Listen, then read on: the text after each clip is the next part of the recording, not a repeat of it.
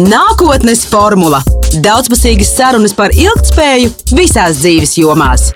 Sveiciens visiem Eiropas Sītu radio klausītājiem un tiem, kas klausās un skatās raidījumu nākotnes formula. Daudz jautājumu, kas saistīti ar nākotni, grozās par un ap tehnoloģijām. Dažādas futuristiskas vīzijas ilustrē tehnoloģiju veidotu, radītu, dažkārt arī manipulētu pasauli, kurā dabiskais un mākslīgais intelekts ir uz vienas paplātes, sadarbojas, miedarbojas, notiek koprada un līdzās pastāvēšana teju vai robotizētu pasauli. Daudzas no tām tām lietām, ko mēs esam redzējuši zinātniskās fantastikas žanrā, ieturētajās filmās un, un, un citos mākslas darbos, sen jau kā ir kļuvušas par daļu no mūsu ikdienas. Bet ko vēl mēs izdomāsim? Kur cilvēce ies, ko vēl mēs iemācīsimies, apgūsim praktiski, integrēsim savā ikdienā, par to šīs dienas raidījumā. Studijā esmu aicinājusi Svetbanka digitālās stratēģijas vadītāju Girtu Bērziņu. Sveiks! Sveicināti! Paldies, ka atradāt laiku paviesoties nākotnes formulā. Un, jā, šī ir manuprāt, ļoti interesanta un aktuāla saruna dēļ tā, ka man šķiet, jebkuram cilvēkam, kurš iedomājas par nākotni, nu, tehnoloģijas ir neatņemama komponente, kura raksturo to, kādā pasaulē mēs dzīvojam šodien, un kur tad mēs, kā saka, turbo režīmā tiecamies. Jā, visas digitālās inovācijas, IT nozare kā, kā milzīgs pelnošs mehānisms, jā, ir mums riņķī apkārt un saistīta ar mūsu ikdienu. Un viena no galvenajām lietām, ap ko grozās visa tehnoloģija inovācija pasaule, ir mākslīgais intelekts, kas varētu teikt ir tāda jaudīgākā no tām inovācijām, kas pašlaik tiek integrēti ļoti dažādās nozarēs un ļoti dažādos spektros. Uh, man ir jautājums par to, kas ir mākslīgais intelekts un kā vispār to saprast un domāt, ja kā tas strādā. Mm, jā, tas ir ļoti labs jautājums, kā parasti saka. Un es droši vien nepretendēšu uz ļoti precīzu definīciju, jo tas ir pat jau kļūst par tādu akadēmisku disciplīnu. Jau 1955. gadā parādījās pirmie akadēmiskie kursi mākslīgā intelektā. Tā kā atstāsim akadēmiķiem, ko tas tā ļoti teorētiski nozīmē. Bet, nu, tādiem cilvēku, nu, tādiem valodā, cilvēku valodā, jā, nu, principā mākslīgais pret dabīgais varbūt tas nav tik būtiski. Es domāju, tā atslēga slēpjas tajā vārdā intelekts. Jā, un kas tad ir šis intelekts, ko, ko mašīnas varētu sākt darīt? Un vienkāršākais droši vien to definēt ir tā ir spēja iegūt un pielietot zināšanas. Ja? ja līdz šim mums vajadzēja mašīnām ieprogrammēt noteiktu algoritmu, un tad tā mašīna spēja viņu atkārtot un atkārtot neskaitāmas reizes, kas tagad būtiski mainās, ka mums pietiek iedot zināmus algoritmus, zināmus šablonus mašīnām un pateikt virzienu vai mērķi. Un mašīnas spēja patstāvīgi un pastāvīgi sasniegt šo mērķi, mēģinot, atrodot labāk labāko risinājumu, un uh, viņas sāk dzīvot pastāvīgu, patstāvīgu dzīvi.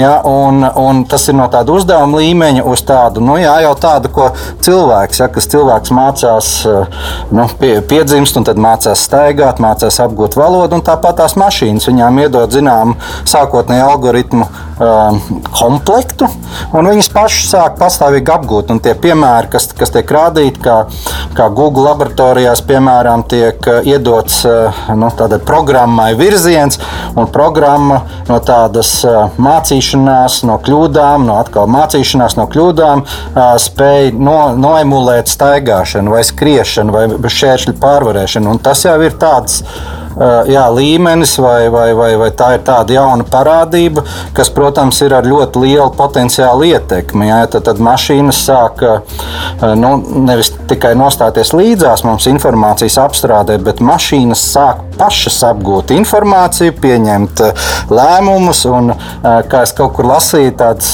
tas mūsdienu fenomens varētu būt, ka tās mašīnas, kuras ir ar šo pašmācīšanos, viņas, jo kļūst vecākas, ja viņas kļūst dārgākas. Ja, jo parasti tā, nu, mašīna nolietojās, un tad nu, viņas vērtība nokrītas. Šeit nē, šeit ir otrādi, jo viņas kļūst eh, gudrākas. Viņas spēj tieši tā, tieši tā, tieši tā. Un izskatās, ka tai mašīnai, protams, jautājums ir par to nu, procesoru jaudu un, un enerģijas patēriņu un tam līdzīgi, bet nu, viņas varētu būt diezgan bezgalīgi pašproduktīvas. Un, citur es lasīju interesantu atziņu, nu, ka tā pazīme mākslīgiem intelektam ir tas, tad, kad programma programmē programmu. Ja?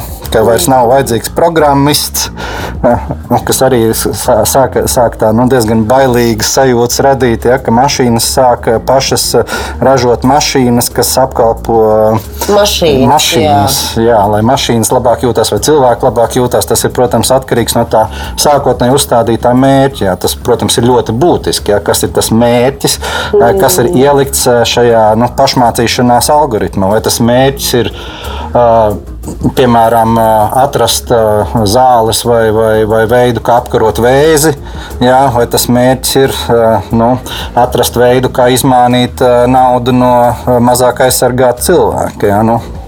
Šeit. Ļoti, ļoti atšķirīgi. Jā, ļoti atšķirīgi mērķi. Labi, pie tā mēs vēl atgriezīsimies, bet jautājums pēc būtības. Vai tad, ko šis tehnoloģiskais princips cenšas panākt? Vai tad, tad mākslīgā intelekta mērķis ir dublēt cilvēka dabiskā intelekta kapacitāti? Um, Šeit atkal um, varam paskatīties tādu arī interesantu tēzi, ka uh, parasti mēs nu, no angļu valodas artificial intelligence, AI, uh, tulkojam tiešām kā mākslīgais intelekts.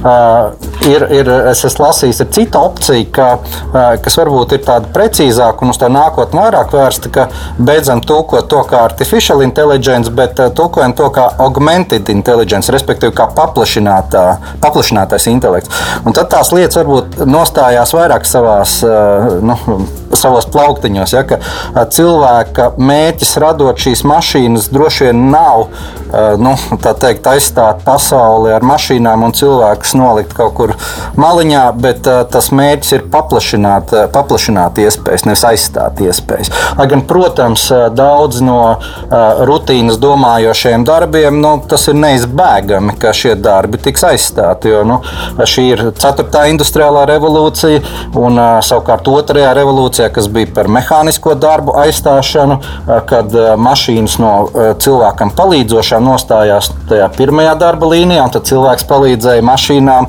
nu, salikt konvejerā kaut kāds ražojums. Tad šobrīd mēs tuvojamies situācijai, ka daudzos darbos mašīnas kļūst par to pirmās darba līnijas veicējiem, un tad cilvēki būs tie, kas nu, varbūt viņus pieskatīs, varbūt dos to mērķi, piekoriģēs to mērķi, bet tas tā pamatslodzi to, to veiks mašīnas. Un, piemēri jau šobrīd pastāv. Tie, tā, mēs ar vien vairāk sastopam tos chatbotus. Es nezinu, kā latviešu tie, tie termini precīzāk būtu. Bet, tā, Teksta, kā, nē, bet tā sarunu kastītes vai sarunu vežus automātiskos, ja, kas, kas, kas spēj nenogurstoši paņemt jebkādu jautājumu daudzumu un dot cilvēkam atbildi nekavējoši.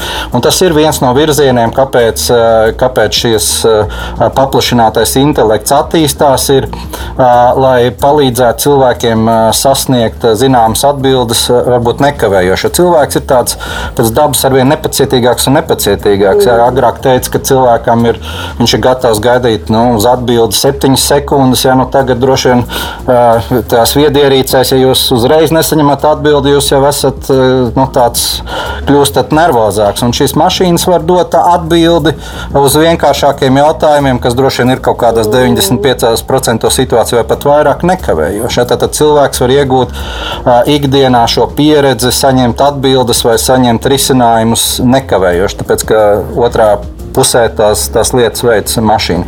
Protams, jautājums, jā, kas, kas notiek ar tiem cilvēkiem, kas līdz šim, kas līdz šim uh, sēdēja uh, zvanu centrā un, un, un tam līdzīgi, jā, kāda, kāda, kāda, kāda, kāda tad ir viņu uzdevumi. Jā. Dažkārt liekas dīvaini, ka nu, mēs daudz esam arī dzirdējuši par to, cik mazu daļu no savas smadzeņu kapacitātes īstenībā izmantojam. Un vai šie cilvēki nav iemācījies izmantot vairāk procentus no savas smadzeņu kapacitātes, bet viņš ir izdomājis mašīnas, kas varēs to jau nauda pareizināt reiz, reiz desmit un reiz simts. Jā, jā nu, tieši tā. Bet, protams, tur ir arī tāds neizzināts jautājums. Varbūt tas ir kaut kāds dabisks aizsardzības mehānisms, ja, kāpēc mēs nevaram kaut kādu lielāku procentu no smadzeņu kapacitātes izmantot. Ja, kas notiks, ja mēs sāksim izmantot? Un, šeit arī ir zināms fenomeni novērot, ja, ka katra nākamā paudze īstenībā nekļūst gluži laimīgāka. Ja, un, un ka šobrīd nu, tās arvien vairāk sastopamās slimības vai diagnožu topā izvirzās īstenībā garīgās slimības, ne fiziskās. Un Visa varbūt, veida neirozes, tieši tā, tieši tā. Un, un varbūt tas nu, milzu domāšanas ātrums vai spiediens, nu, tas var arī būt, nebūt bez sekām. Ja? Nu, tas ir vēl Un tā, tā būtiskā lieta, saka, par ko jau ir diskutējuši senie grieķu filozofi, bet jautājums nebūtu nav atrisināts. Tieši man liekas, mūsu laikmetā tas iegūst fundamentāli svarīgu nozīmi, kas ir zināšanas. Nu, kā, kas ir informācija, kas Tieši ir tā. zināšanas, ja?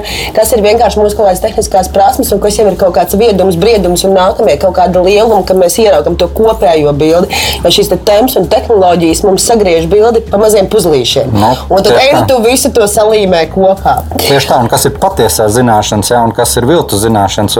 Tieši viens no virzieniem šim paplašinātajam, nu, teiks, šai gan teiksim, mākslīgajam intelektam ir šīs jā, viltus, viltus zināšanu vai viltus ziņu ģenerēšana. Jā, tad, balstoties uz šīm ziņām, iespējams, kāds sāk būvēt viltus zināšanas. Jā, un, Nu, varbūt... Tā jau var ļoti viegli pārrakstīt vēstuli. Tā var ne tikai vēsturi, bet ir... arī šodien. Jā, un mm. var ļoti viegli arī manipulēt pietiekami liels sabiedrības grupas. Jā.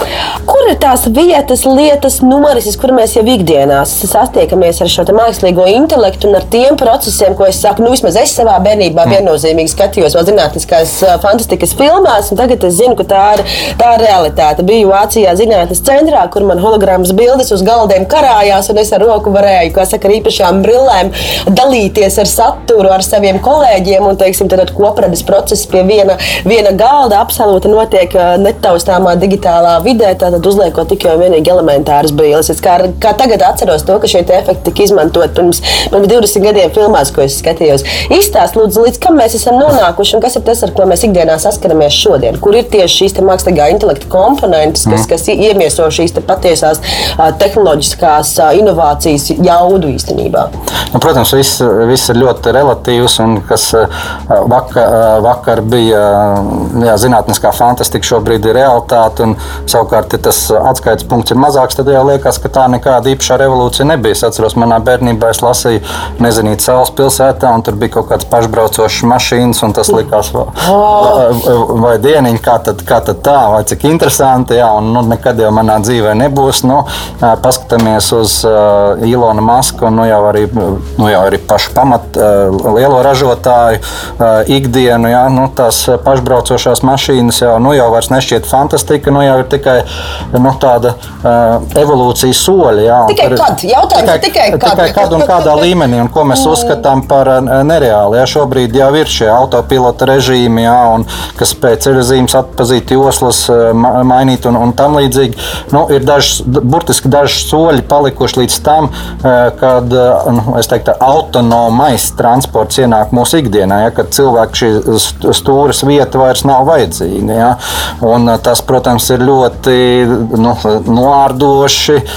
Nu, Vesela šoferu dinastijas droši vien paliek bez, bez ierastās nodarbošanās un, un, un tam līdzīgi. Bet tas dod arī cilvēkiem milzu šo individuālo, individuālo mobilitāti. Ja. Tad tur parādīsies droši vien dilemmas sabiedriskais transports, kas mēģina mūs salikt daudzus vienā, un mums jāpielāgojas tam sabiedriskā transporta laikam, vai es varu iegūt individuālo laiku jā, un, un izmantot to transporta līdzekli tikai to laiku, kad man vajag, nu, nezinu, pāris stundas, varbūt dienā atlikušo daļu viņš palīdz citiem. Jā, nu, mm. tur, nu, tas, tas, tas, tas ir liels domāšanas uzdevums, bet ir, protams, ikdienā daudz vienkāršāk piemēri, ko mēs varbūt vairs neuzskatām par tādu īpašu mākslīgā intelekta izpausmi, bet kas, protams, ir tāda neviens vairs individuāli neprogrammē, kas būtu jūsu mīļākā nākamā dziesmā, Spotify vai, vai citā mūzikas straumēšanas servisā, bet jūs jau saņemat šīs individuālās rekomendācijas. Ja, tad, mašīna spēja vai programma spēja atpazīt no konteksta. Ja es piedāvāju šo, tad, tad jā, ko līdz šim šis cilvēks ir klausījies, viņš šo nu, tad, tad noskipoja, tad, tad nē, šis ar šo netrāpījām, un ar katru nākamo reizi tas paliek precīzāks un precīzāks. Un tur vairs nav individuāls cilvēks, kas programmē jūsu programmu. Ja, tas ir, ir mašīna. Ja. Tad tas, ko mēs izmantojam, šis te termins, ja, kas ir tie algoritmi, kas, ko mēs jā. zinām, ja, kas ar mums notiek sociālajos medijos un Google un, un vispārējais, kā pie mums atnāk reklāmas, tad algoritmi pēc būtības tad ir, kā saka, mākslīgā intelekta nu, pamatprincips. Viena no, no, vien, vien no, vien no, vien no elementiem, jā. protams. Jā. Protams, pati, pati galvenā lieta, kas vai nu ieslēdz vai izslēdz iespēju mākslīgam intelektam darboties, tā ir piekļuve informācijai. Ja nav piekļuves informācijai nu, vai zināšanām, ja, no kuras tiek veidotas no šīm informācijas, tad mākslīgais intelekts nespēja attīstīties. Un otrādi, ja šī piekļuve ir ļoti vienkārša, tad nu, ir, ir, ir, ir priekšnoteikumi, lai tas attīstītos strauji. Tāpēc varbūt šobrīd ir tādas zināmas bažas, ka Eiropā dēļ šiem ļoti spēcīgajām nu, un arvien augošām personu datu aizsardzības normām, salīdzinot ar Ķīnu, varbūt mēs kaut ko ilgtermiņā zaudējam no šī mākslīgā intelekta attīstības. Ja, jo Ķīnā mākslīgā intelekta zinātnieki var piekļūt mm. vienkāršāk ļoti lielām informācijas masīvam un ļoti personalizētam, ļoti individuālam, tad var nu, ļoti veiksmīgi trenēt šos algoritmus. Ja? Un tad ilgtermiņā iespējams tam ir ne tikai ļoti labvēlīgs mērķis, ja, bet ir arī kaut kādi netik labvēlīgi mērķi, un tad tie tiek trenēti uz, jā, nu, tas jau no tās nu, bailīgā scenārija mm. virziena. Kas tāprāt ir tās nākotnes tendences, varbūt tās tehnoloģiskās inovācijas, uz ko mēs ejam? Tu jau minēji, tā tad ir šie pašbraucošie automobīļi, kas jau ir, kā saka, daļa no, no, no tirgus diskursa. Mm. Uh, tu pats arī pārstāv finanšu sektoru un Svetbanku, un, un droši, kā, kā saka, arī par to, kas jauns jūsu mm. nozarē. Mm. Kas ir tas, ko mēs vēl piedzīvosim savas dzīves laikā, un kā, mm. nu, kas būs kaut kādi nākamie 20, 20 30 gadi, kas, kas kļūs par mūsu ikdienu no šīm te uh, fan, vēl joprojām zināmā mērā fantastiskajām un grūti aptveramajām lietām, kas pašlaik notiek. Mm. Nu, viena tāda, teiktu, tāda vienkāršākā un tuvākā lieta droši vien būs tāda, ka, ja jums šobrīd, lai veiktu, nu, piemēram, to pašu bankas darījumu, jums ir, nu, vairs nav jādodas uz filiālēm. Ja, tas ir skaidrs, jūs paņemat tālruni un, un tur jums ir lietotne un viss ir ērti. Tad, nu, rīt vairs jums nebūs jāiet uz šo lietotni, tāpēc, ka visdrīzāk, ka jums būs bankas virtuālais privātbaņķieris. Ja, kas jau spējas paredzēt, kā, ko jūs gribat sasniegt. Tādu rutīnas lietu kā transakcijas veikšana, nu, priekš kam jums to būtu jādara nu, pašai. Ja? Jums, jums ir virtuālais asistents, kas visus jūs mēnešu rēķinus kārtīgi ir samaksājis, bet nevis tur pirmajā dienā, kad vajag, bet ir optimizējis pret jūsu, jūsu interesēm. Ja? Tā kā individuāli virtuāli asistenti, es domāju, tā būs mūsu ikdiena jau ļoti, ļoti drīz. Tā ikdiena, ko es ceru, kas vēl vairāk es ceru, ka pienāks, protams, tas ir izmantot šo mākslīgo vai paplašināto intelektu medicīnā. Ja? Protams, ir virkne no slimībām, kuras nu, vajadzētu, vai būtu beidzot pienācis laiks, lai cilvēks spētu atrisināt, kas tad ir īstais cēlonis un kas ir efektīvākie līdzekļi, lai ar to tiktu galā. Un, un jau šobrīd virkni no šīm mākslīgā intelekta jaudām tiek darbināti šajā virzienā. Ja, tas pats IBM Watson superdators, ja, viņš palīdz, jā, es jau teicu, viņš jā, ļoti precīzāk droši vien būtu teikt, tas palīdz. Tas ir mūsu antropocentriskā būtība. Nu, jā, mēs kaut kādā brīdī veidā. mēs, mēs to sākam saukt par viņu, jā, un, un tā varbūt ir pazīme, ja, ka kaut kas ir mainījies. Bet jā, ka šis Vatsona dators palīdz cilv ārstiem cilvēkiem mm. noteikt diagnozi.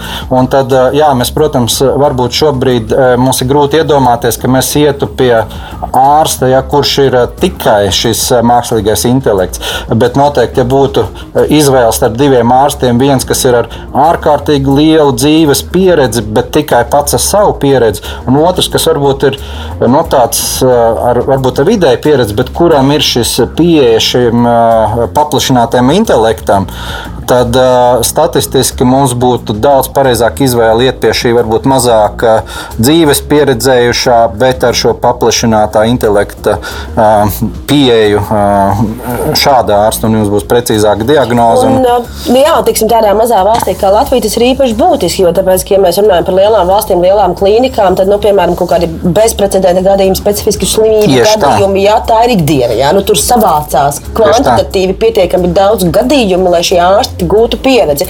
Latvijā, diemžēl, vai par laimi, bet nu, specifiskas lietas notiek vienreiz, divreiz, trīsreiz. Ja mums nav šīs pieredzes, tad to šie ārsti nekādā veidā šo pieredzi nevar iegūt, tāpēc ka nav jau to gadījumu. Un tad atnāk viens cilvēks, kuram varbūt ar kaut ko nav paveicies, kas varbūt ir iespējams ārstējuma kaita citā valstī, bet šeit mēs diemžēl atduramies pret to, ka nav cilvēkiem pieredzi un prasmu. Nu, tieši tā, un uh, Latvijas uh, viens no veiksmes stāstiem varētu būt savienot Latvijā divus nu, tādus ar spēcīgām saknēm sektorus. Tas ir informācijas tehnoloģijas un tā ir medicīna. Un saliekot šīs divas lietas kopā, iespējams, Latvija var kļūt par uh, lielu valsti uh, šajā nu, paplašinātā intelekta medicīnas nozarē. Kā tavuprāt, mākslīgā intelekta un vispār tehnoloģija inovāciju ienākšana mūsu ikdienā ietekmē darba tirgu un, un protams, arī izglītības sistēmu, visas pārējās lietas? Par to ir ļoti daudz runāts un ļoti daudz diskutēts. Kāda ir tava sajūta par to? Vai tas ir kaut kāds saku, moments frustrācijai par to, ka tie roboti atņems mums darbu, vai tas ir nezinu, pārdomas vispār par mūsu izglītības sistēmu, struktūru un jēgu un to, ko mēs mācāmies un kas tad būs nākotnē nepieciešams? Vai tu vari sniegt savu, kā, kā arī kā, kā, kā industrijas profesionāļi un digitālā sektora, digitālā sektora pārstāvju šo komentāru jā, saistībā ar darba tirgu un izglītību? Nu jā, protams. Jebkura šāda nu, paradigmu mainoša virzība vienmēr cilvēkos rada bažas, ka kāda ir mūsu nākotne, nu, vai nav pienākusi tā diena, ka nu, mūs, mums, mums vairs nav ko, nav ko darīt. Un, uh, līdz šim gan mēs varam sevi mierināt ar to, ka līdzinējās revolūcijas, gan agrārā revolūcija, gan līdzinējās trīs industriālās revolūcijas ir radījušas vairāk darba vietu, vairāk iespēju nekā tās ir likvidējušas. Bet kas mums ir jāsaprot, ka netiek radītas tādas pašas darba vietas, tiek radītas eh, ar jaunām zināšanām, jaunām kompetencēm, jaunas kompetences prasošas darba vietas. Un kas ir absolūti skaidrs, ka tas modelis, kāds ir bijis jau acīm redzam, jau bez mazliet no viduslaikiem iedibināts, ja, kā mēs eh, iegūstam eh, dzīvē zināšanas un kā mēs viņas pielietojam. Ja, proti, ka eh, mums bērnībā vai agrā jaunībā kaut ko iemāca, un tad mēs visu savu apzināto darba mūžu varam tās zināšanas atspēlēt, un tad sekmīgi doties pensijā un, un viss, un mums dzīves laikā. Nu, nekas tā būtiski nemainās. Šobrīd ir skaidrs, ka uh, tas uh, zināšanu novecošanas vai atjaunināšanas nepieciešamība iestājās ar, ar, ar ļoti lielu regularitāti, un tas notiek, notiek un notiks vairākas reizes mūsu dzīvē. Un tāpēc tā lieta, ka mums ir jābūt gataviem gan kā uh, mūsu paudzes cilvēkiem, gan uh, nu, ar, it sevišķi jaun, ar vien jaunākai paudzei, ir vairākas reizes dzīvē apgūt jaunas iemaņas. Ja? Un tāpēc ļoti svarīga ir šī spēja mācīties. Ja, šī zinātnē. Ja? Tad, tad es domāju, ka jebkuram zinātnēm cilvēkam nākotne ir, ir, ir, ir, ir ļoti gaiša. Ja? ja nav šī zinātnē, tad, nu, tad var nākties diezgan grūti, jo var, var nevis var, bet ļoti daudz lietas vienkārši dabiski izzudīs. Ja? Nebūs nepieciešamība pēc smagu automašīnu šoferiem, ja? droši vien nebūs nepieciešamība pēc tāda sākuma līmeņa zvanu centra darbiniekiem. Ja? Daudz šīs šīs pamat, pamat profesijas iespējams izzudīs. Savukārt pieaugs pieprasījums pēc daudz vairāk tādām radošām lietām, jaunradošām lietām. Ja? Tad, tad šis radošums, zinātnē, un radošums ir droši vien tie, tie atslēgas vārdi vai atslēgas kompetences, ko vajadzētu nu, bērnos attīstīt. Ja? Un jautājums, vai mūsu, pat ne mūsu kopējā pasaules zinību apgūšanas sistēma, kas ir, kā es saprotu, radīta savulaik, lai apmācītu armijas, ja, tad, tad nostājās priekšā oficieris, ja savāds klasē zaldāts un visiem vienu programmu atskaņoja, un tad viss var doties veiksmīgi kaujas laukā. Vai šī sistēmai nav jāmainās, vai šis nav pagrieziena punkts pat uz tādu ļoti individuālu apmācību. Ja? Tad, tad jums iedod pamat, pamat lietas, iedod, bet tad, tad notiek individuāla apmācība. Un, ir, ir, ir prognozes, un es domāju, ļoti realistiskas, ka nākotnē tieši mākslīgais vai šis paplašinātais intelekts tieši, tieši dosies palīdzīgā, lai šīs kompetences attīstītu katram individuālam cilvēkam. Tad, tad var pielāgoties pēc kaut kādām dabiskām uh, interesēm, pēc dabiskām spējām apgūt. Mēs zinām, ka ir cilvēki, kas ir vairāk skaitļu cilvēki, ir, ir, ir, ir cilvēki, kas ir attēlu vizuālisti. Ja? Un, ja viņus noliek vienā klasē, tad nu, viens vai otrs kaut kādā brīdī cietīs. Bet, ja ir apmācītājs, kas ļoti individuāli saprot, ja, tad, tad à, šis strādā labāk, tad šīs zināšanas var pārformatēt tādā formā, ka šis cilvēks vieglāk ap, nu, apgūst un, un ātrāk un efektīvāk. Ja, un varbūt uh, universitātes pabeigšanai nebūs nepieciešami četri vai seši gadi, uh, bet var, varbūt to varēs izdarīt uh, daudz ātrāk un, un, un, un, un, un, un efektīvāk. Un uh, viena no tādām ļoti interesantām prognozēm, ko es esmu lasījis, ir, ka uh, jau tuvākajā laikā uh, pasaulē būs atkal jauna, pelnošākā platforma. Un tā nebūs par komerciju. Ja mēs šobrīd saprotam, nu, tas varētu būt Amazon, ja, nu, protams, kas ir pelnošākā platforma. Tad tā rītdienas tā pelnošākā vai ietekmīgākā platforma nebūs par komerciju, tā būs par zināšanām, tā būs mācību platforma. Un tieši tāpēc ka veidojas šis pieprasījums, ja, ka cilvēkiem nu, vairākas reizes dzīvē būs, eh, vai pat kaut kādā brīdī droši vien nepārtraukti. Ja, kā, uh, ir industrijas, kur jau tagad tas ir nepārtraukti. Tieši tā, jo, jo mašīnas, ja, mašīnas, ar kurām mēs nu, kaut kādā mērā pat konkurēsim, kas ar mašīnām notiek. Mēs zinām, ka mašīnām regulāri ienāk šie programmatūras atjauninājumi. Ja. Nu, vai cilvēks ar veco programmatūru spēs uh, līdzās pastāvēt kaut kam tādam, kas, kas nemitīgi atjaunina. Un vēl kaut kādā brīdī, kad mašīna atjauninās citai mašīnai un radīs uh, atjauninājums, nu, tā būs vispār ļoti interesanta perspektīva. Es ticu, ka radošums ir prasme, ko var mācīties, attīstīt un pilnveidot. Kā ar zinātnē, kā tev šķiet, vai tas ir kaut kas tāds, ko mēs varam iemācīties? Kas ir mm. zinātnīs komponentes? Ai, tas, ir, tas ir kaut kāds tēma ārpus manas tādas pieredzes. Man patīk šīs, te, šīs te lietas, jā, jā tas ir kā ar radošumu. Radošums, es saku, man liekas, radošums ir reāli risinājums, risinājums jautājums, un tam mums ir zināma metodoloģija, kā attīstīt radošumu. Es, es domāju, ka zinātnē arī ir viena no lietām, tādām dabiskām lietām, ar kuru cilvēks piedzimst. Mm. Uh, un tad, uh, ļoti iespējams, ka mēs ar, tieši tā ar, ar esošo veidu, kā mēs zināšanas mēģinām nodot bērniem, mēs šo zinātnē bieži vien pat vairāk nogalinām nekā sekmējam. Jo mēs mēģinām darboties pēc vidējiem lielumiem, ja, pēc kaut kā, nu, ka mēs klasi mācīsim šādā veidā, pielāgojoties varbūt pat bieži vien izglītības sistēmas vajadzībām vai skolotāju vajadzībām, nevis katra, katra individuāla. To mēs nespējam izdarīt. Un tad kādā brīdī, kad tas bērns vēlās kaut kādā savā veidā apgūt, apgūt šī zināšana. Jo, jo nu, tas ir dabisks, manuprāt, instinkts. Jo savādāk, ja cilvēks vai jebkurš, kura dzīve būtu, nevarētu pastāvēt, ja uh, viņi neizzina uh, tās nu, arī robežas, ja, bet uh, kā sasniegt to savu ieprogrammēto mērķi. Ja, tad, tad, nu, tas zinātnē, manuprāt, ir dabiska lieta. Un, un tas, Galvenais ir viņu ne, nesačakarēt. Tieši, tieši tā, nesabojāt vairāk nekā, nekā, nekā, nekā tas ir absolūti kaut ko iespējams ir jāaptur jāapkaro. Ja, nu, kaut kur sākās arī kāda bīstamā robeža, ja, ka, nu, kas var nodarīt pāri. Ja, bet nu, arī tas, jā, nu, kā mēs sakām, ja tad nepataustīs karstu gludekli, nu, būs grūti noticēt, ja, ka labāk nelikt roku pie tā, ka viņš ir palicis sarkans. Ja. Dažkārt domājot par to izglītības sistēmu, tur vēl man ir kaut kāda sajūta par to, ka jā, var paredzēt un var mēģināt attīstīt tās lietas, ko kādā ziņā dažas no tām niansēm jau atspoguļojas izglītības tendencēs un reformās, un kā nu, vismaz tas diskurss ir gaisā.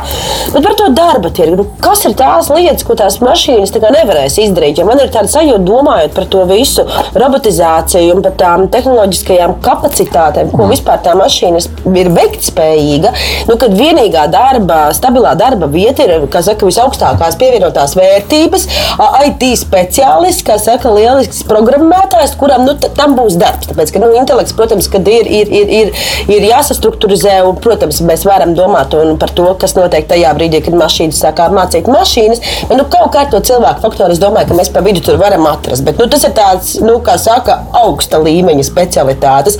Vai tu redzi, kur tu tam cilvēkam pa vidu vēl ir tās, tās robi nišas un tās vietas, kur viņam atrast sevi starp tehnoloģijām?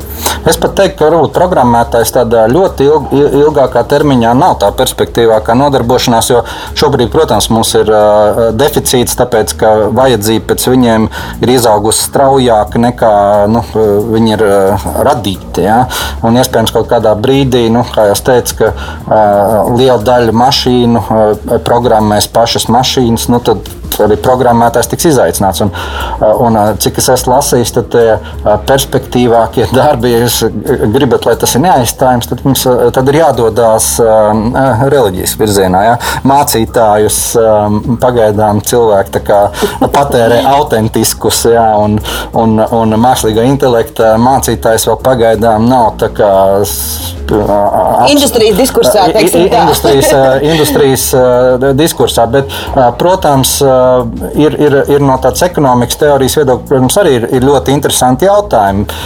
Proti, vai pateicoties mašīnām vai šajā sadarbībā ar mašīnām, cilvēks nav iegūst tādu produktivitāti, ka ir nopietni jāpadomā nu jā, cik, cik, cik daudz darbināt šo produktivitāti tādam nu, priekšdarba un cik priekš eh, nu, jā, paša komforta vai, vai, vai paša dzīvošanas. Jo 8 stundu, 5 darba nedēļu uh, režīms. Nu, Manuprāt, tas ir kaut kāds simts gadus vecs, bet tas bija pie tā laika produktivitātes, priekš tā laika nu, tās sabiedriskās nu, tā vienošanās, ka tas ir, ka tas, ir tas kam, kam tas ir jāatvēl. Iespējams, nu, ir, ir, ir jau parādījušās daudzas diskusijas par to, ka varbūt šis laiks būtu jāmazina un jāpalielina laiks cilvēkam pašam priekš sevis. Protams, ir arī hipotēze, ka cilvēkiem būs jādod šis universālais ienākums un principā nu, tā caurmērā ok, varēs izdzīvot arī nosacīt, neko nedarot sabiedrības labā, bet, ja gribās kaut ko vairāk, jā, vai, vai ja kaut kas tiek darīts, tad nu, tas ir papildus vai, vai bonus atalgojums. Es gan šai teorijai kaut kā grūtāk tic, bet eh, iespējams, jā, ka mums šī produktivitāte un šis līdzsvars starp uh, laiku, ko es atvēlu sabiedrības nu, darbu darīšanai, un laiks, ko es atvēlu savai, arī ieskaitot varbūt mentālai labklājībai, jā, nu, nu, ka, ka šis līdzsvars mainīsies. Jā, nu, arī dēļ tā, ka ir, ir, ir, ir gan cilvēku skaits ir kļuvis daudz lielāks nekā tas ir bijis pirms simts gadiem, gan arī šī cilvēka produktivitāte. Jo, nu, jautājums, kas ir tas, ko mēs šajās astoņās darba stundās saražojam. Ja tie ir nu, kaut kādi mehāniski artefakti, jā, produkti, tad mēs jau, manuprāt, šobrīd jūtam pēc tā sajūtas, ka mēs, mēs saražojam bišķiņu tā kā pa daudz, un mēs nu, paņemam tos zemes resursus un noplicinām vairāk nekā tā zeme jau spēja atražot. Tas ir vēl viens jautājums. Un pēc tam metam, un pēc tam metam, metam ārā, jā, un, un, un pilnīgi nu, bezjēdzīgi. Un jau tagad ir skaidrs, ka sarēķinot to mūsu patēriņu šobrīd, zeme mūs nespēja vairs uzturēt. Jā. Un tad, jā, nu, varbūt eh, arī šis ir viens no jautājumiem, ko kopā ar mākslīgo intelektu atrisināt. Jā, kā atgūt šo harmoniju ar zemi, lai mums nav uh, visiem ne tikai dažiem jādodas uz Marsu, bet nu, visiem kaut kur jāevakuējas, jo Zeme mūs kādā brīdī vairs nespēja uzturēt. Bet, nu, protams, mākslīgam intelekts rada arī, arī daudz cits jautājums. Ja mēs pieņemam, ka nu, viņš tā radās no zila gaisa, jā, un, un, un zilu gaisu arī patērē, bet nu, tas tā nav. Kā, kā piemērs tiek minēts, ja, ka jā, šobrīd principā varētu izmantot mākslīgo intelektu, lai visus kontaktcentrus aizvērtu ciet, bet tas nebūtu ekonomiski pamatot no viena aspekta, tā enerģija, ko vajadzētu, lai darbinātu šādu veidu mākslīgo intelektu, tā būtu lielāka nekā izmaksā šobrīd cilvēki jaudas.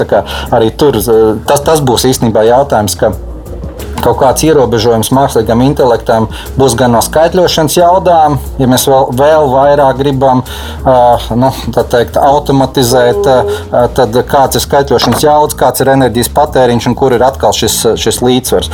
Un iespējams, lai optimizētu šo enerģijas patēriņu, mākslīgais intelekts pats meklēs, kā optimizēt mākslīgo intelektu. Jā, nu, tas arī būs tāds.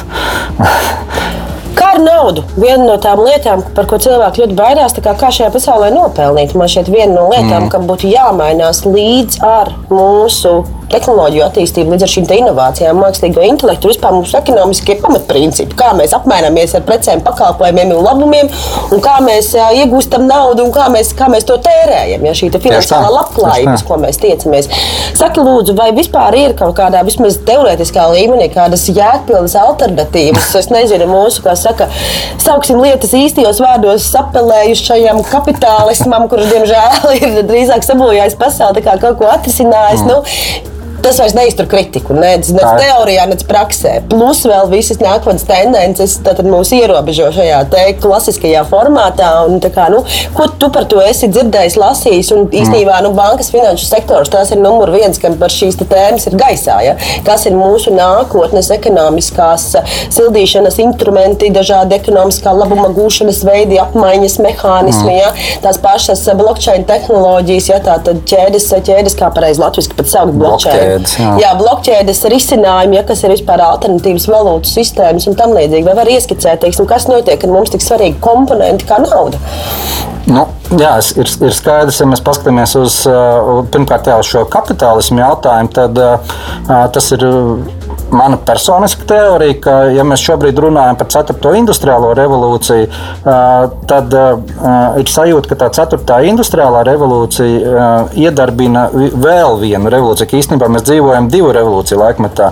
Jā, šī industriālā, ka mākslīgais intelekts nostājas pirmajā darba frontē ar vien vairāk dzīves situācijas, bet otra revolūcija tā ir cilvēku revolūcija. Un tā varbūt ir pirmā reālā tā cilvēku revolūcija, ka, nu, ja ticam leģendām, leģendām par Ādamu un Ievu, tad uh, tas pirmais veids cilvēks sāka patērēt, ja tur ābolus un, un, un tam līdzīgi, un uzskatīja, ka āboli atjaunojās tur neierobežotā daudzumā. Viss bija labi līdz brīdim, nu, kad to cilvēku sāk kļūt tik daudz, un tas veids, tā um, filozofija patērēt pasauli, ja, un, un ne, nerūpēties, lai tas nonāk kaut kādā līdzsvarā, nu, tā ir pienākušas beigas. Ja, tad vai nu cilvēks beigsies, vai cilvēks atradīs jaunu nu, pārslēgt šo vienošanos ar pasauli, jā, bet tas nebūs pie šīs nu, tā, homo patērētājs. Tam ir jābūt nu, jā, tāds nolietots termins jau, diemžēl, bet nu, homo ilgspējīgais. Jā, nu, šis ilgspējīgais cilvēks, un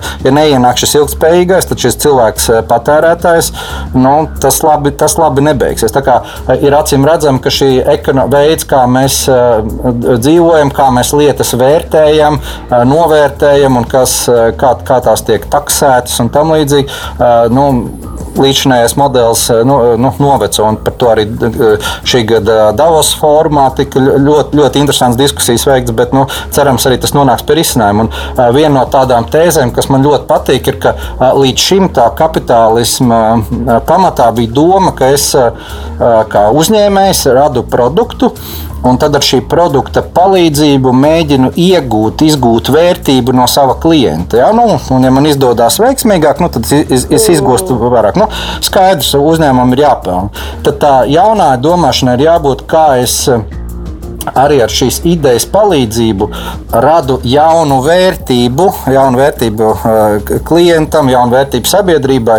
Un tad, ja šī vērtība ir, da, ir radīta, mm. tad mēs dalāmies katrs šajā jaunradītajā vērtībā. Uh, tā matemātika varētu būt, summa varētu būt līdzīga, bet tā filozofija un tas mērķis un domāšana varētu būt pilnīgi cita. Jā, un tad otrs jautājums, protams, ir, kas ir šis vērtības vai atalgojuma iemiesotājs un vai esošā naudas sistēma, kas pēc būtības ir digitalizēta analogā sistēma, ja, nu, sākot no gliemežvākiem, mm. tur, zeltā bāzēts un tam līdzīgi. Bet būtībā tā ir digitalizēta šī, šī nu, naudas sistēma, kurā ir, mēs zinām, arī iespējams trūkums, ja tur neierobežota drukāšana. Un kamēr mēs ticam un uzticamies, tik ilgi viss ir kārtībā, bet arī kam ir tehnoloģiski nu, izaicinājumi, ja, lai būtu vienmēr pieejami. Vai iespējams, jā, ka šīs digitālās reāli dzimušās, šīs blokķēdēs dzimušās uh, risinājumi uh, nonesīs šo veco sistēmu. Bet uh, tā ir, protams, jāatbild vēl uz diezgan daudziem jautājumiem, uz kuriem šī atbilde vēl nav. Uh, skaidrs, ka vērtību iemiesojumam jābūt universālam. Visiem ir jātic, ka tam ir vērtība, ir jātic, ka tā vērtība laikā nemainīsies. Un šobrīd nu, tās alternatīvas, kas tiek piedāvātas, nu, Bitcoin un, un citi, nu, daudz šos kritērijus nespēja izpildīt. Mm. Bet bet mēs zinām, ka daudzas centrālās bankas, arī Eiropas centrālā bankas, strādā pie koncepta, ka varētu būt centrālo banku izdota šī blokķēdēs balstītā valūta. Un iespējams, ka tā ir nākotnes valūta, bet iespējams, ka nākotnē vispār būs pilnīgi citas šīs vērtības, un mākslīgais intelekts mums pēkšņi ieteiks kaut kādu jaunu sistēmu, kā mēs varam nu, saņemt atalgojumu par papildus pūlēm un, un, un, un, un, un kā mēs varam finansēt lietas, kuras paši sevi nespēja finansēt. Jā. Mm.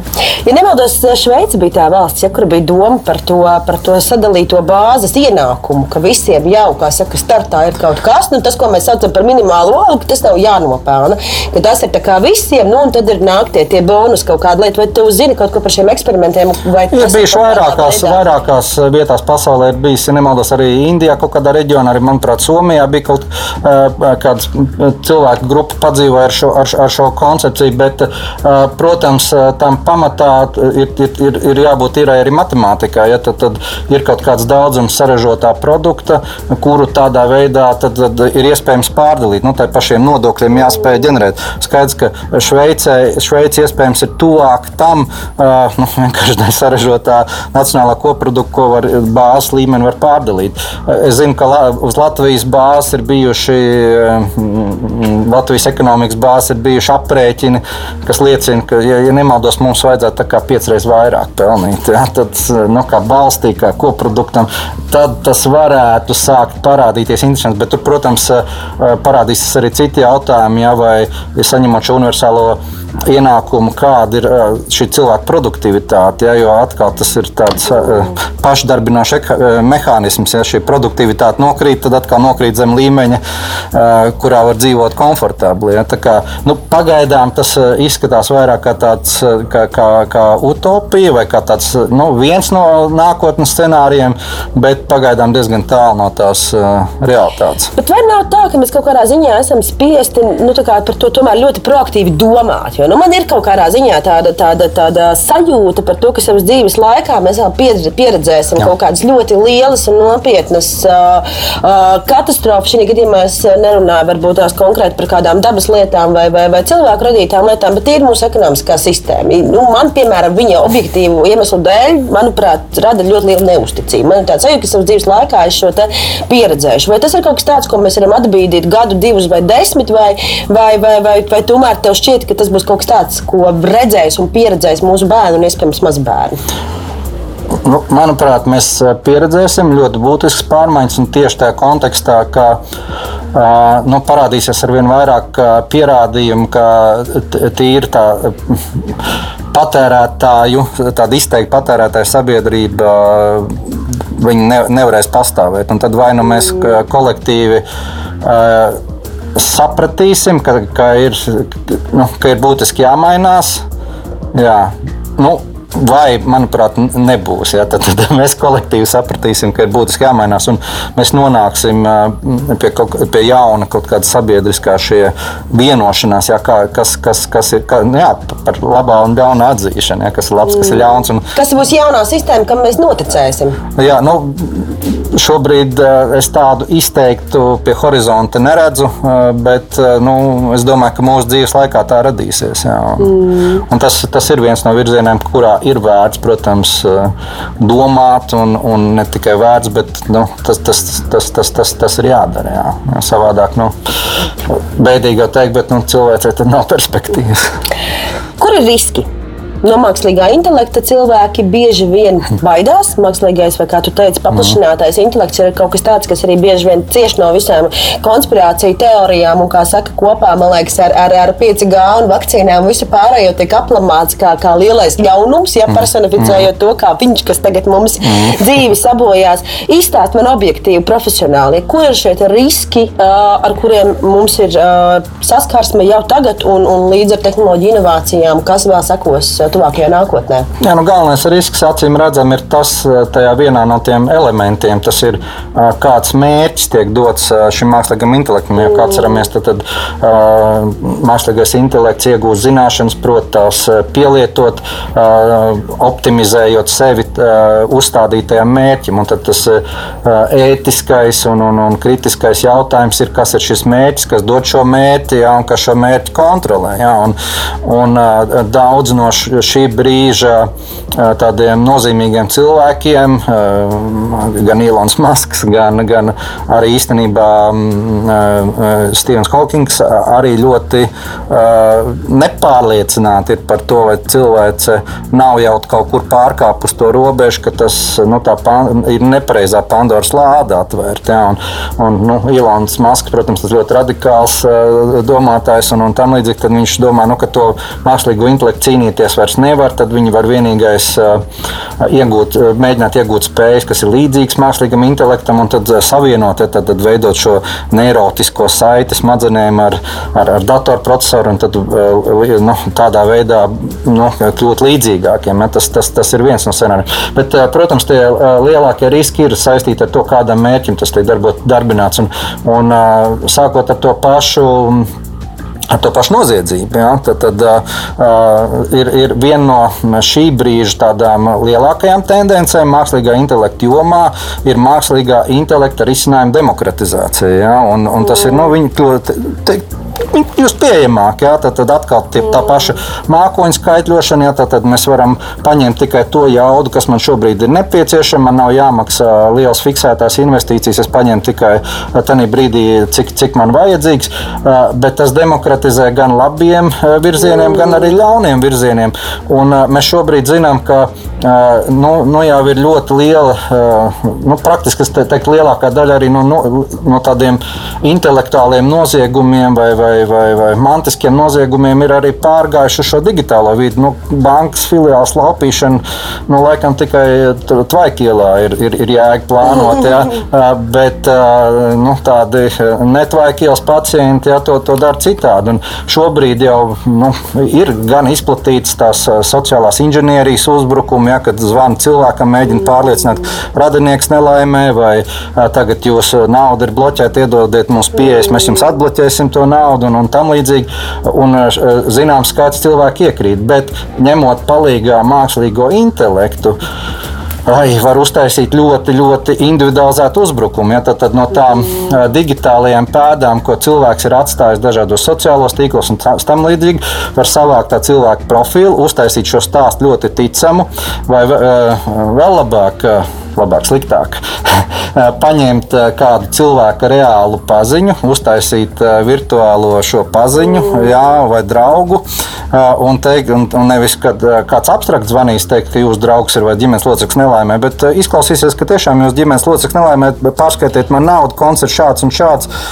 Un, un jūs tam noticēsiet, ja, tāpēc, ka būs atkal šis deep fake, ja, šis dziļais viltojums, kurš, kurš, kurš kā, tas risks parādās tajā, ka šī tehnoloģija attīstība notiek straujāk nekā mūsu sajūtas par to, kas ir labs, kas ir ļauns, kas ir riskants, kas nav riskants. Ja, un, un Vai droši... vispār izpratne, uz ko tehnoloģija ir spējīga? Tieši tā, un, un tāds nu, dabisks aizsardzības mehānisms. Bet es domāju, ka no citas puses tas atkal nekas nav jauns cilvēks vēsturē, jo, kad zinām, ka pirmās automašīnas parādījās uz ielām, cilvēkiem arī nebija tas apziņa, ja pietiekama, kas, kā, kā, kā tur ir un kādi ir tie noteikumi. Un, jā, un, un, ka mat, jā, un ka viņi tik ātri var braukt, jā, un, un, un, un, un varbūt tik klusi, jā, un nenozviegsies kā zirgs, jā, bet nu, tam līdzīgi. Kad kā... brāļi Lumieri demonstrēja vilcienu piebraukšanas stacijā, tad cilvēki arī spieda. jā, tieši tā. Nu, likās baisi, kas tā, kas tā par ēlas mašīnu mašīna tagad tur noelšās. Ja, bet, nu, es domāju, ka šī ziņā cil, cil, cilvēks piemērosies, bet risks, protams, ir milzīgs. Ja, tā ir arī, protams, atbildība daudziem šo pakalpojumu sniedzējiem, ka tiem pakalpojumiem jābūt arī nu, drošiem pret pret to, ka cilvēks var pieņemt kaut kādus mazāk racionālus lēmumus. Ja, protams, nu, pret pilnīgu muļķību nu, nebūs aizsardzība, bet, bet, bet šajā, šajā virzienā jādarbojas. Nu, protams, ir, ir, ir, ir daudz lietas, kā, kā tas tiek izmantots nu, kaut kādu autoritāru vai citu režīmu um, rokās, ja, nu, kā jebkurš, uh, jebkurš ierocis. Ja, un, un, protams, daudz ko mēs par mākslīgo intelektu zinām no tā, kas ir redzams, bet ļoti iespējams, ka mēs daudz ko nezinām, ja, kas ir nu, militārā kompleksa rīcība ja, un, un, un, un, un, un tam līdzīgi. Ja. Un, un šeit, protams, ir ļoti svarīga, svarīga kā, kā, notiek, kā notiek šo personas datu aizsardzība. Ja, jo atkal, lai mākslīgo intelektu darbinātu pret individuālu cilvēku, tam mākslīgam intelektam ir jābūt piekļuviem šiem datiem. Tāpēc nu, varbūt mums ir paveicies, ka mēs dzīvojam Eiropas Savienībā, kur šie personas datu aizsardzības nu, nosacījumi tomēr ir augstu dienas kārtībā kārtībā. Tas nav tāds uh, nevainīgs vai, vai, vai untumains uh, mērķis, un, un tieši šajā mākslīgā intelekta kontekstā tas var izrādīties tāds. Uh, Mm. Tāds, tāds nu, ļoti nepieciešams aizsardzības mehānisms. Šis ir labs arguments tiem cilvēkiem, kas saka, nu, kas tam man, man jau nav ko slēpt. Nu, lai viņš viņiem no manis salikšu tur visas savas bildes un kāda starpība, kādas man tur parols vai vēl kaut kas. Esmu godīgi strādāju vienkāršu darbu, kas man ko, kas man ko slēpt un, un, un kas, no kā man baidīties. Mm, tieši tā, jums paliek digitālās pēdas un vai no tām nevar uzkonstruēt kaut ko tādu, kam, jūs, kam būs ļoti augsts ticamības pakāpe un kas var, nu, jā, kas var jūs vienkārši apmānīt. Jā, nu. Hmm. Uh, Kā tev šķiet, tu jau ieskicēji varbūt to nianses par to, ka mēs tam netiekam līdzi, bet it kā, kā varbūt tiekam līdzi. Nu, man tā kā kopumā liekas, ka cilvēks tomēr bišķiņi sāk, sāk cīnīties par to, vai mēs tiekam tam laikam līdzi vai netiekam. Jo, nu, pēdējo, pēdējo, pēdējo, pēdējo, ja nemaldos, simts gadu laikā mēs esam nodzīvojuši 70 reizes ātrāk kā visā cilvēces, kas saka, datētajā vēsturē. Nu, katrā ziņā tā proporcija ir ne tikai matemātiski iespaidīgi, bet viņi ir vispār, protams, neaptverami. Ja mums nav vairs šī refleksija, mēs pat vairs nevaram salīdzināt un kā, pat, kā saka, sarēķināt to visu ar savām smadzenēm. Nu, kāda tev ir tā sajūta par to, vai mēs, mēs paši tiekam tam līdzi, vai tomēr sāk parādīties tā, tā, tā plaisa starp to, cik ātri mēs esam iedarbinājuši pasauli kā mehānismu un tad, un kāda tad mēs esam ja, savā, savā spējā vai savā nespējā šajā kaut kādā ierobežotajā mm. ķermenī, laikā un mm. telpā, kurā mēs dzīvojam. Mm. Uh, nu, ir skaidrs skaidrs, ka tās iespējas, kas šajā brīdī tiek radītas, un, un tas, kā mēs viņus izmantojam, tā plaisa viņa palielinās. Ja, jo, uh, tas pats slavenais mūra likums, ka pēc būtības datoru spējas vai procesoru spējas, informācijas apstrādes spējas katrus divus gadus dubultojās. Uh, daudz maz darbojas joprojām. Vai tās izmantošana katrus divus gadus arī dubultojās, nu, nav tā sajūta. Tā es domāju, ka mēs vēl ilgi dzīvosim tādā nu, tiks radītas tās iespējas, un tad visdrīzāk mēs tā lē, lēcienveidīgi, ne, ne lineāri, bet arī tā lēcienveidīgi tā, tās apgūsim. Ja.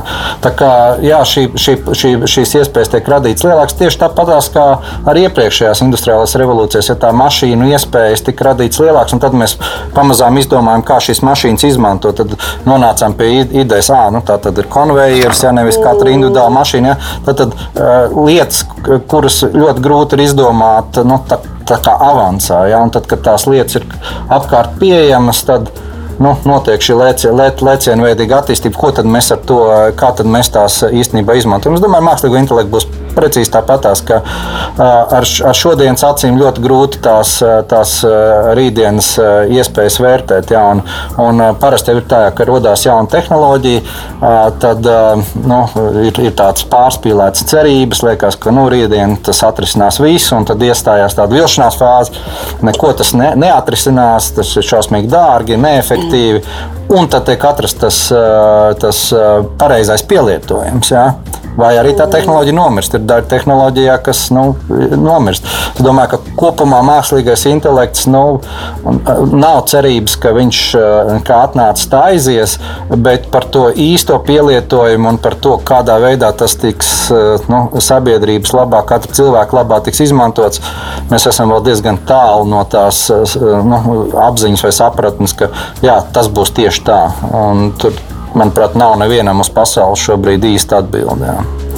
Man šķiet, ka visi cilvēki, kuriem ir nu, profesionālā virzība, bet ir hobija līmenī, interesē nākotnē un kuriem patīk par to domāt, man liekas, darās tādās divās kategorijās, ka viņi ir vai nu tādi utopisti, kas, kas, kas domā un tic jauniem, jauniem risinājumiem, kas var parādīties pie mūsu apvāršņa jau rīt, un tad ir tādi absolūtie pesimisti, kas ir zaudējuši cerības un domā, ka mēs diezgan stabili ejam uz, uz pasaules un, un cilvēces sabrukumu vienalga kādā degradācijas formā, bet vienmēr sakot kaut kādā ziņā mēs šo savu, savu, savu, savu veikt spēju šajā sistēmā esam teiksim, tā, piepildījuši un pārpildījuši. Pie kā tu sev pieskaitītu? Tu esi vairāk optimists, vairāk pesimists, vai tu tici tomēr, ka mēs kaut kā, kā saka, caur esošiem vai nēsošiem zelta vidusceļiem kaut kā izlavierēsim? Es esmu absolūti optimists cil, cil, cilvēks nu, šādā vai tādā veidā parasti nonāk pie šīs pareizās atbildes. Un, nu, ja nenonāk, nu, tad, tad, tad beigas visiem, jā, bet nu, tas, jau, tas jau arī nu, ir beigas visiem. Jā, vai, vai nu būs ļoti pozitīvi, vai nu būs beigas visiem. Jā. Protams, izaicinājums ir tāds, ka, kā tiek teikts, tad parasti šādas ļoti pagrieziena veida tehnoloģijas vai iespējas cilvēki īstermiņā pārvērtē īstenībā. Liekas, ka nu, tūlīt viss būs labi, bet ilgtermiņā nenovērtē. Ja? Tas pats nu, parādījās uh, ideja par internetu, ja? kā mēs trešajā, trešajā šajā industriālajā revolūcijā nu, kurš tur 90. gados varēja iedomāties, ja, ka nu, tur katra, katra mazākā tur, fiziskais objekts varētu būt ar savu atsevišķo IP adresi un, un bez cilvēku līdzdalības varētu nu, optimizēt mm. mūsu dzīvi. Ja māja pati domās, kad ieslēgties, izslēgties. Nu, tā, tā, tā, tas nebija tā iedom, nu, iedomājams, jau, bet nu, tās, tās lietas aizgāja. Un šobrīd tieši tas pats notiek 4. industriālā revolūcijā, kur, kur objekts ir šis, nu, šis mākslīgais paplašinājums paplašinātais intelekts. Tā kā, nu, īstermiņā mēs droši vien pārvērtējam, ilgtermiņā mēs, protams, nenovērtējam. Ja? Problēma ir, ka cilvēks parasti domā lineāri. Mums ir ļoti viegli saprast, saprast lineāras parādības, ja, nu, tos pašus, ko nozīmē desmit soļus spērt lineāri un ko nozīmē eksponenciāli, ka katrs nākamais solis dubultojas. Ja, nu. Pat kāda pēc nedaudz soļiem mēs jau esam apgājuši zemeslodē riņķi, ja vien to varētu izdarīt. Mūsu domāšana to nu, ļoti grūti ierāmē. Noslēdzot mūsu sarunu, cilvēkiem, kam interesē nākotnes tehnoloģijas, kam interesē jauni piedāvājumi mūsu ekonomiskās sistēmas risinājumiem, jauni finanšu sektora mm. piedāvājumi, kas ir, es saku, nu, man liekas, tiešām nauda, naudas aprit ir tāda top tēma, kas interesē ļoti daudziem. Kur tu pats par to lasi, kur tu mm. interesējies? Mm. Kas ir tavi kaut kādi tādi kritiskie avoti? Jo man šķiet, šajā jautājumā tas ir fundamentāli svarīgi. Tā kā nu, avotu kaut kādā ziņā tāda validācija un, un, un, un, un kur, kur ir tie eksperti eksperti, kur ir tie cilvēki, kur ir tie resursi, kur vispār par to lasīt un iegūt patiešām kaut kādu jēgpilnu informāciju mm. par tām interesantajām lietām, kas dažādās industrijās, dažādos sektoros notiek. Jā, nu, man personiski ir, ir virkne, virkne tādu viedokļu līderu vai pat pat ne līderi, bet interesanti cilvēki, kuri nu, tagad jau ir ļoti labas iespējas sociālajos tīklos sekot. Jā, tad, ko es daru, es, eh, man kaut kāda ideja liekas interesanta. Ne, nevienmēr patīk, bet interesanti, tad es nu, Twitterī viņu ielaikoju. Nevienmēr man viņa patīk. Atkal. Tas nozīmē, ka es viņu gribu pietagot, tad pēc uh, ik pa laikam es šīs idejas savācu un skatos, tā, uz, uz kurien tas ved. Ja? Nu, tad, tad mēģinu tad atrast šīs kopsakarības. Un, un, ne, es cenšos arī, lai tā būtu tā viedokļa tā daudzveidība, jā, un, un, un pasakot arī kādam nu, kā populistiskākiem, jā, un, un tad mēģināt to nu, patiesību atrast pa vidu. Bet, eh, protams, ir arī vairāk tā tādi eh, nu, nopietni tādi pētnieciski resursi, un es domāju, ka šobrīd viens no ļoti, ļoti, ļoti interesantiem ir šis eh, Pasaules ekonomikas fórums, jā, kur, kuram ir, ir, ir, ir fantastiska šī zināšanu bāze pieejama internetā, kur viņi salikuši ir tieši, tieši, tieši tā, kā nu, mana domāšana attīstās, attīstās mēģināt atrast šīs kopsakarības. Un, uh, tur ir iespējams nu, jebkurai tādai populārai tēmai saprast, ar, ar kādām citām viņi ir saistīti. Ja, un, mm. un, un, un, un es, es teiktu īstenībā, jā, ka šobrīd tā ir. Tur ir gan par mākslīgo intelektu, gan par ceturto industriālo revolūciju, uh, par šiem globāliem riskiem, par, uh, par, par klimatu pārmaiņām. Tas, tā, principā, tur viss tas ir. Un, un vēl jau vairāk, ka šo fórumu katru gadu um, papildina jā, šīs klātienes diskusijas, jā, un atkal kas paplašina šo, šo zināšanu bāzi. Es teiktu, ka tāds no pieejamākiem šis ir tāds absolūti fantastisks fórums. Nu, te, protams, ir uh, virkni šo pētniecisko resursu, kas, bet tas jau vairāk ir katrā konkrētā industrijā. Jā, kas, kas, kas, un dažkārt tur arī tā valoda un tā satura komunikācijas jā, jā. forma, ka tev ir jābūt tik lielai priekšzināšanai bāzai, lai tu vispār saprastu, par ko ir stāsts, ka tu nemaz nevari, kā saka, uztvert to kodolos arī, kas gaisā, tad, ja tu esi vienkārši, Jā. vienkārši garām gājējis ieinteresētā. Tieši tā. Bet Pasaules ekonomikas fórums ir, es rekomendētu, ar to var sākt, un mm. tad jau var aiziet uz citiem. Noslēdzot mūsu šīs dienas sarunu, Covid-19. Ko uh, jums, jūsu profesijā, un varbūt arī kādās citās, ja tev ir sanācis ar to saskarties un padomāt, iemācīja šīs gads, ko mēs piedzīvojām bez precedenta apstākļos, satiekoties ar kaut kādu lietu, par ko mēs varbūt bijām tikai hipotētiski domājuši, bet, bet prātā nebija ienācis, ka tas atnāk šeit un tagad, un tie ir 2020. gadā. Kas ir tavas atziņas jūsu skolas, arī tāpat bankā? Mm. Es domāju, ka tur ir vesela kaudze ar lietām, ko jūs esat apguvuši un iemācījušies. Mm, jā, nu pat galvenā lieta ir, ka eh, es, es teiktu, ka tā cilvēku uzvedība var ļoti strauji nomainīties, jā, vai, vai cilvēku pieprasījums var ļoti strauji nomainīties, mainoties kaut kādiem vidas faktoriem. Un, un, un, un um, daudzas lietas, uh, par kurām mēs domājam, hipotētiski, nu, ka tas varētu notikt, jā, jā, nu, iestājās. Jā, gan, nu, gan uh, sliktais scenārijs, protams, uh, nu, mēs zinām, ka vairāk domātāji pasaulē jau brīdināja par cilvēces negatavību šādām pandēmijām. Jā, tad, tad šī iestājās. Bet arī no kaut kādām tādām pozitīvām lietām, nu, mūsu pašu pieredzē, mēs domājam, ka jā, būtu labi, ja cilvēki savas bankas apmeklējumu. Nu, ik, ik pa laikam vēlās nu, bankas filiāli apmeklēt, ka, ka cilvēki varētu tā pieteikties. Tāpat kā pie ārsta apmeklējuma. Mums liekas, ka pie ārsta vai friziera pieteikt, rezervēt laiku ir ok, mm. bet doties uz bankas filiāli mēs sagaidām, ka mūs tur uzreiz sagaidīs un mums tur bankas darbinieks spēs uzreiz apkalpot. Un tad mums šis Covid laiks piespieda, nu, nebija citu variantu ieviest šo iepriekš pieteikšanos. Tas, protams, momentā arī momentā arī aizgāja. Tā kā šīs eh, eh, spējas, eh, spēja ātri saprast, kas ir, kas ir būtiskais un nevis kā mēs aizveram servisu, jā, bet kā mēs viņu citā formā cilvēkam padarām pieejamu.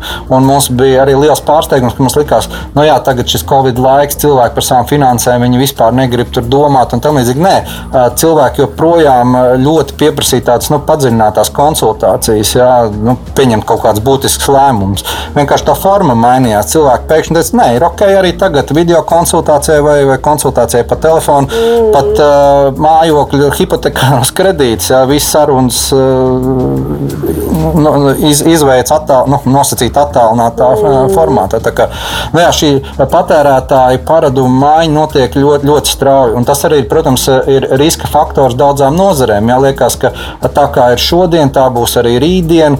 Pseido drošības, pseido drošības sajūta. Jā, un, un, un, ja nav šis nav šis kaut kāds drošības pilvens vai šī diversifikācija, nu, tad ir ļoti grūti. Tas pats ir, mēs redzam, mēs sadarbojamies ar ļoti daudziem šiem jaunu uzņēmumiem, ja, kad uh, fintechiem tā saucamiem. Ja, un, un tu, šeit ir pienācis tāds nu, patiesības brīdis daudziem. Ja, un, un daudz uzskatīja, ka mm, mums ir nepieciešami tikai pareizi lozungi, ja, tas pats mākslīgais intelekts, mēs, mēs darbosimies mākslīgā intelektā, mēs darb, darbināsim to vēl uz bloku ķēdes, jā, un, un, un no mākoņa, un jau investori, investori nāk. Kas notika šajā gadā?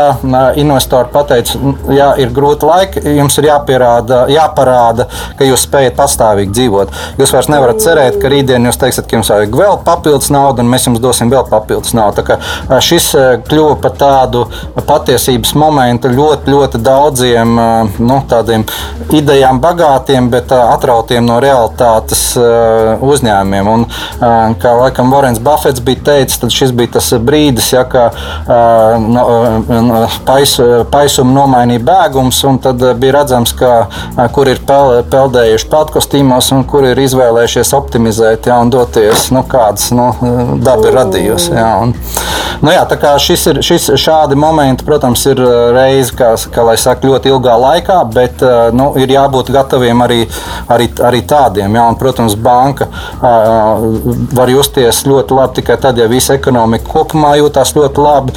Un šobrīd, nu, protams, nav tā pozitīvākā sajūta, ceļš skatoties, ka daudzos sektoros nu, nav šie nu, nepārtraukti, biznesa nepārtrauktības iespējas. Pat, jā, ir, nu, sekt, sektori ir, ir, ir, ir, ir uz pauzes. Jā.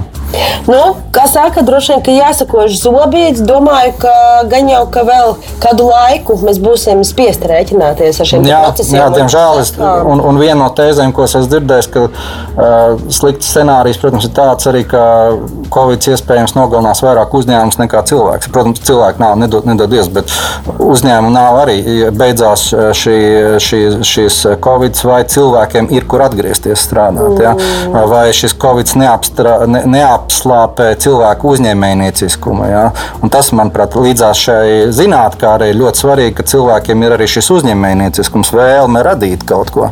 Ja būs tikai zinātnē, un nebūs vēlme radīt, nu, tad arī jauna vērtība diez vai tiks radīta. Ja? Tā kā iespējams vēl viens. Tas man liekas, pēc tāds vesels arhitekts, tie mūžīgie studenti, kas mācās, Māca, mācās, tieši, tie, tie, tik tie, ļoti interesē. Tieši tā, tieši tā, no, no, no bakalaura uz maģistru, uz doktoru un tam līdzīgi, bet uh, dzīves pieredze, kā tas vai tas praktiski strādā, nav. Un tad, jā, tad ir diezgan, diezgan tā interesanti daudz atziņas lasīt no tādiem.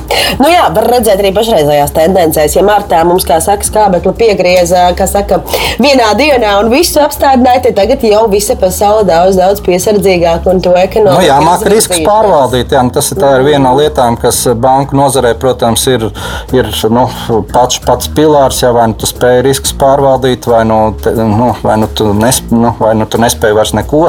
Tad šī risku pārvaldīšana nu, parādās kā disciplīna tagad, nu, jebkur uzņēmuma dienas kārtībā. Jā, vai es spēju visu paredzēt, un vai man ir pretī šie nu, ierobe, ierobežošanas pasākumi. Jā. Tas, starp citu, vēl arī noslēdzot mūsu tēzi par šo tēmu, arī tas, ko esmu dzirdējis no daudziem uzņēmējiem par to, ja agrāk, kā saka, risku tur menedžments, tur krīzes vadība, viss pārējais nu, no sērijas tāds fonā ir no sērijas. Esmu pareizi, pareizi vadu uzņēmumu, izstrādāju nepieciešamo dokumentāciju, tad hops, tad pēkšņi šiem dokumentiem iegūst tādu jēgu, kā pirms tam prātā nebija nācis. Un tad uzvarētāji ir tie, kuri bija tomēr, kā saka, iedomājuši to scenāriju. Jā, izdomājuši nav scenārijus, un vairs tieši tā nav laika, vai jā, tu izšauj tagad, un tas, vai, tas vai ir viens nekad. no padomiem arī īstenībā nākotnes plānošanai, ja? vai, vai, vai, jo tā pārmaiņas notiek brīžiem tik strauji, ka, ja mēs ieraugām, ka à, ir mainījies kaut kas tik fundamentāli, tad tajā brīdī pārstruktūrē, izdomāt visas gājienas bieži vien ir pa vēlu.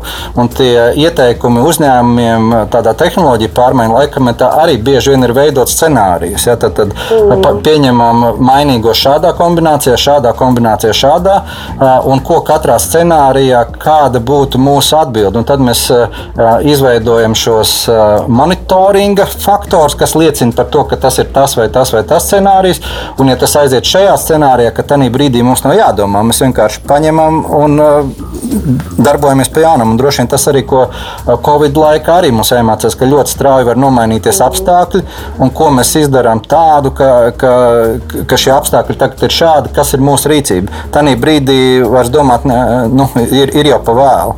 Un, protams, nu, pēc tam jau mēs būsim pēc krīzes, mēs būsim gudrāki, bet nu, mēs varēsim arī secināt, vai mēs, nu, piemēram, šo pašu vasaras laiku, kad bija tāda zināma atelpa, vai mēs bijām izmantojuši pietiekami detalizēti šo scenāriju izstrādē, un, un, un, un nevis tajā brīdī, kad iestājās kaut kāda papildus negatīvie faktori, ka mēs tajā brīdī domājam, bet ka mums jau, mēs jau izvēlkam gatavu plānu un ejam tagad pēc šī plāna. Jā, to mēs šeit mēs varētu iet kastītē, kastītē korporatīvā ilgspēja, par ko arī stāsts bieži vien nākotnes formulā. Paldies tev liels par sarunu! Ņemiet pa labu! Studijā viesojās Svetbanka digitālās stratēģijas vadītājs Girds Bērziņš. Paldies jums un līdz nākamajai reizei! Atā! Uz redzēšanu! Raidījums tapis sadarbībā ar Nacionālo elektronisko plašsaziņas līdzekļu padomi sabiedriskā pasūtījuma ietvaros.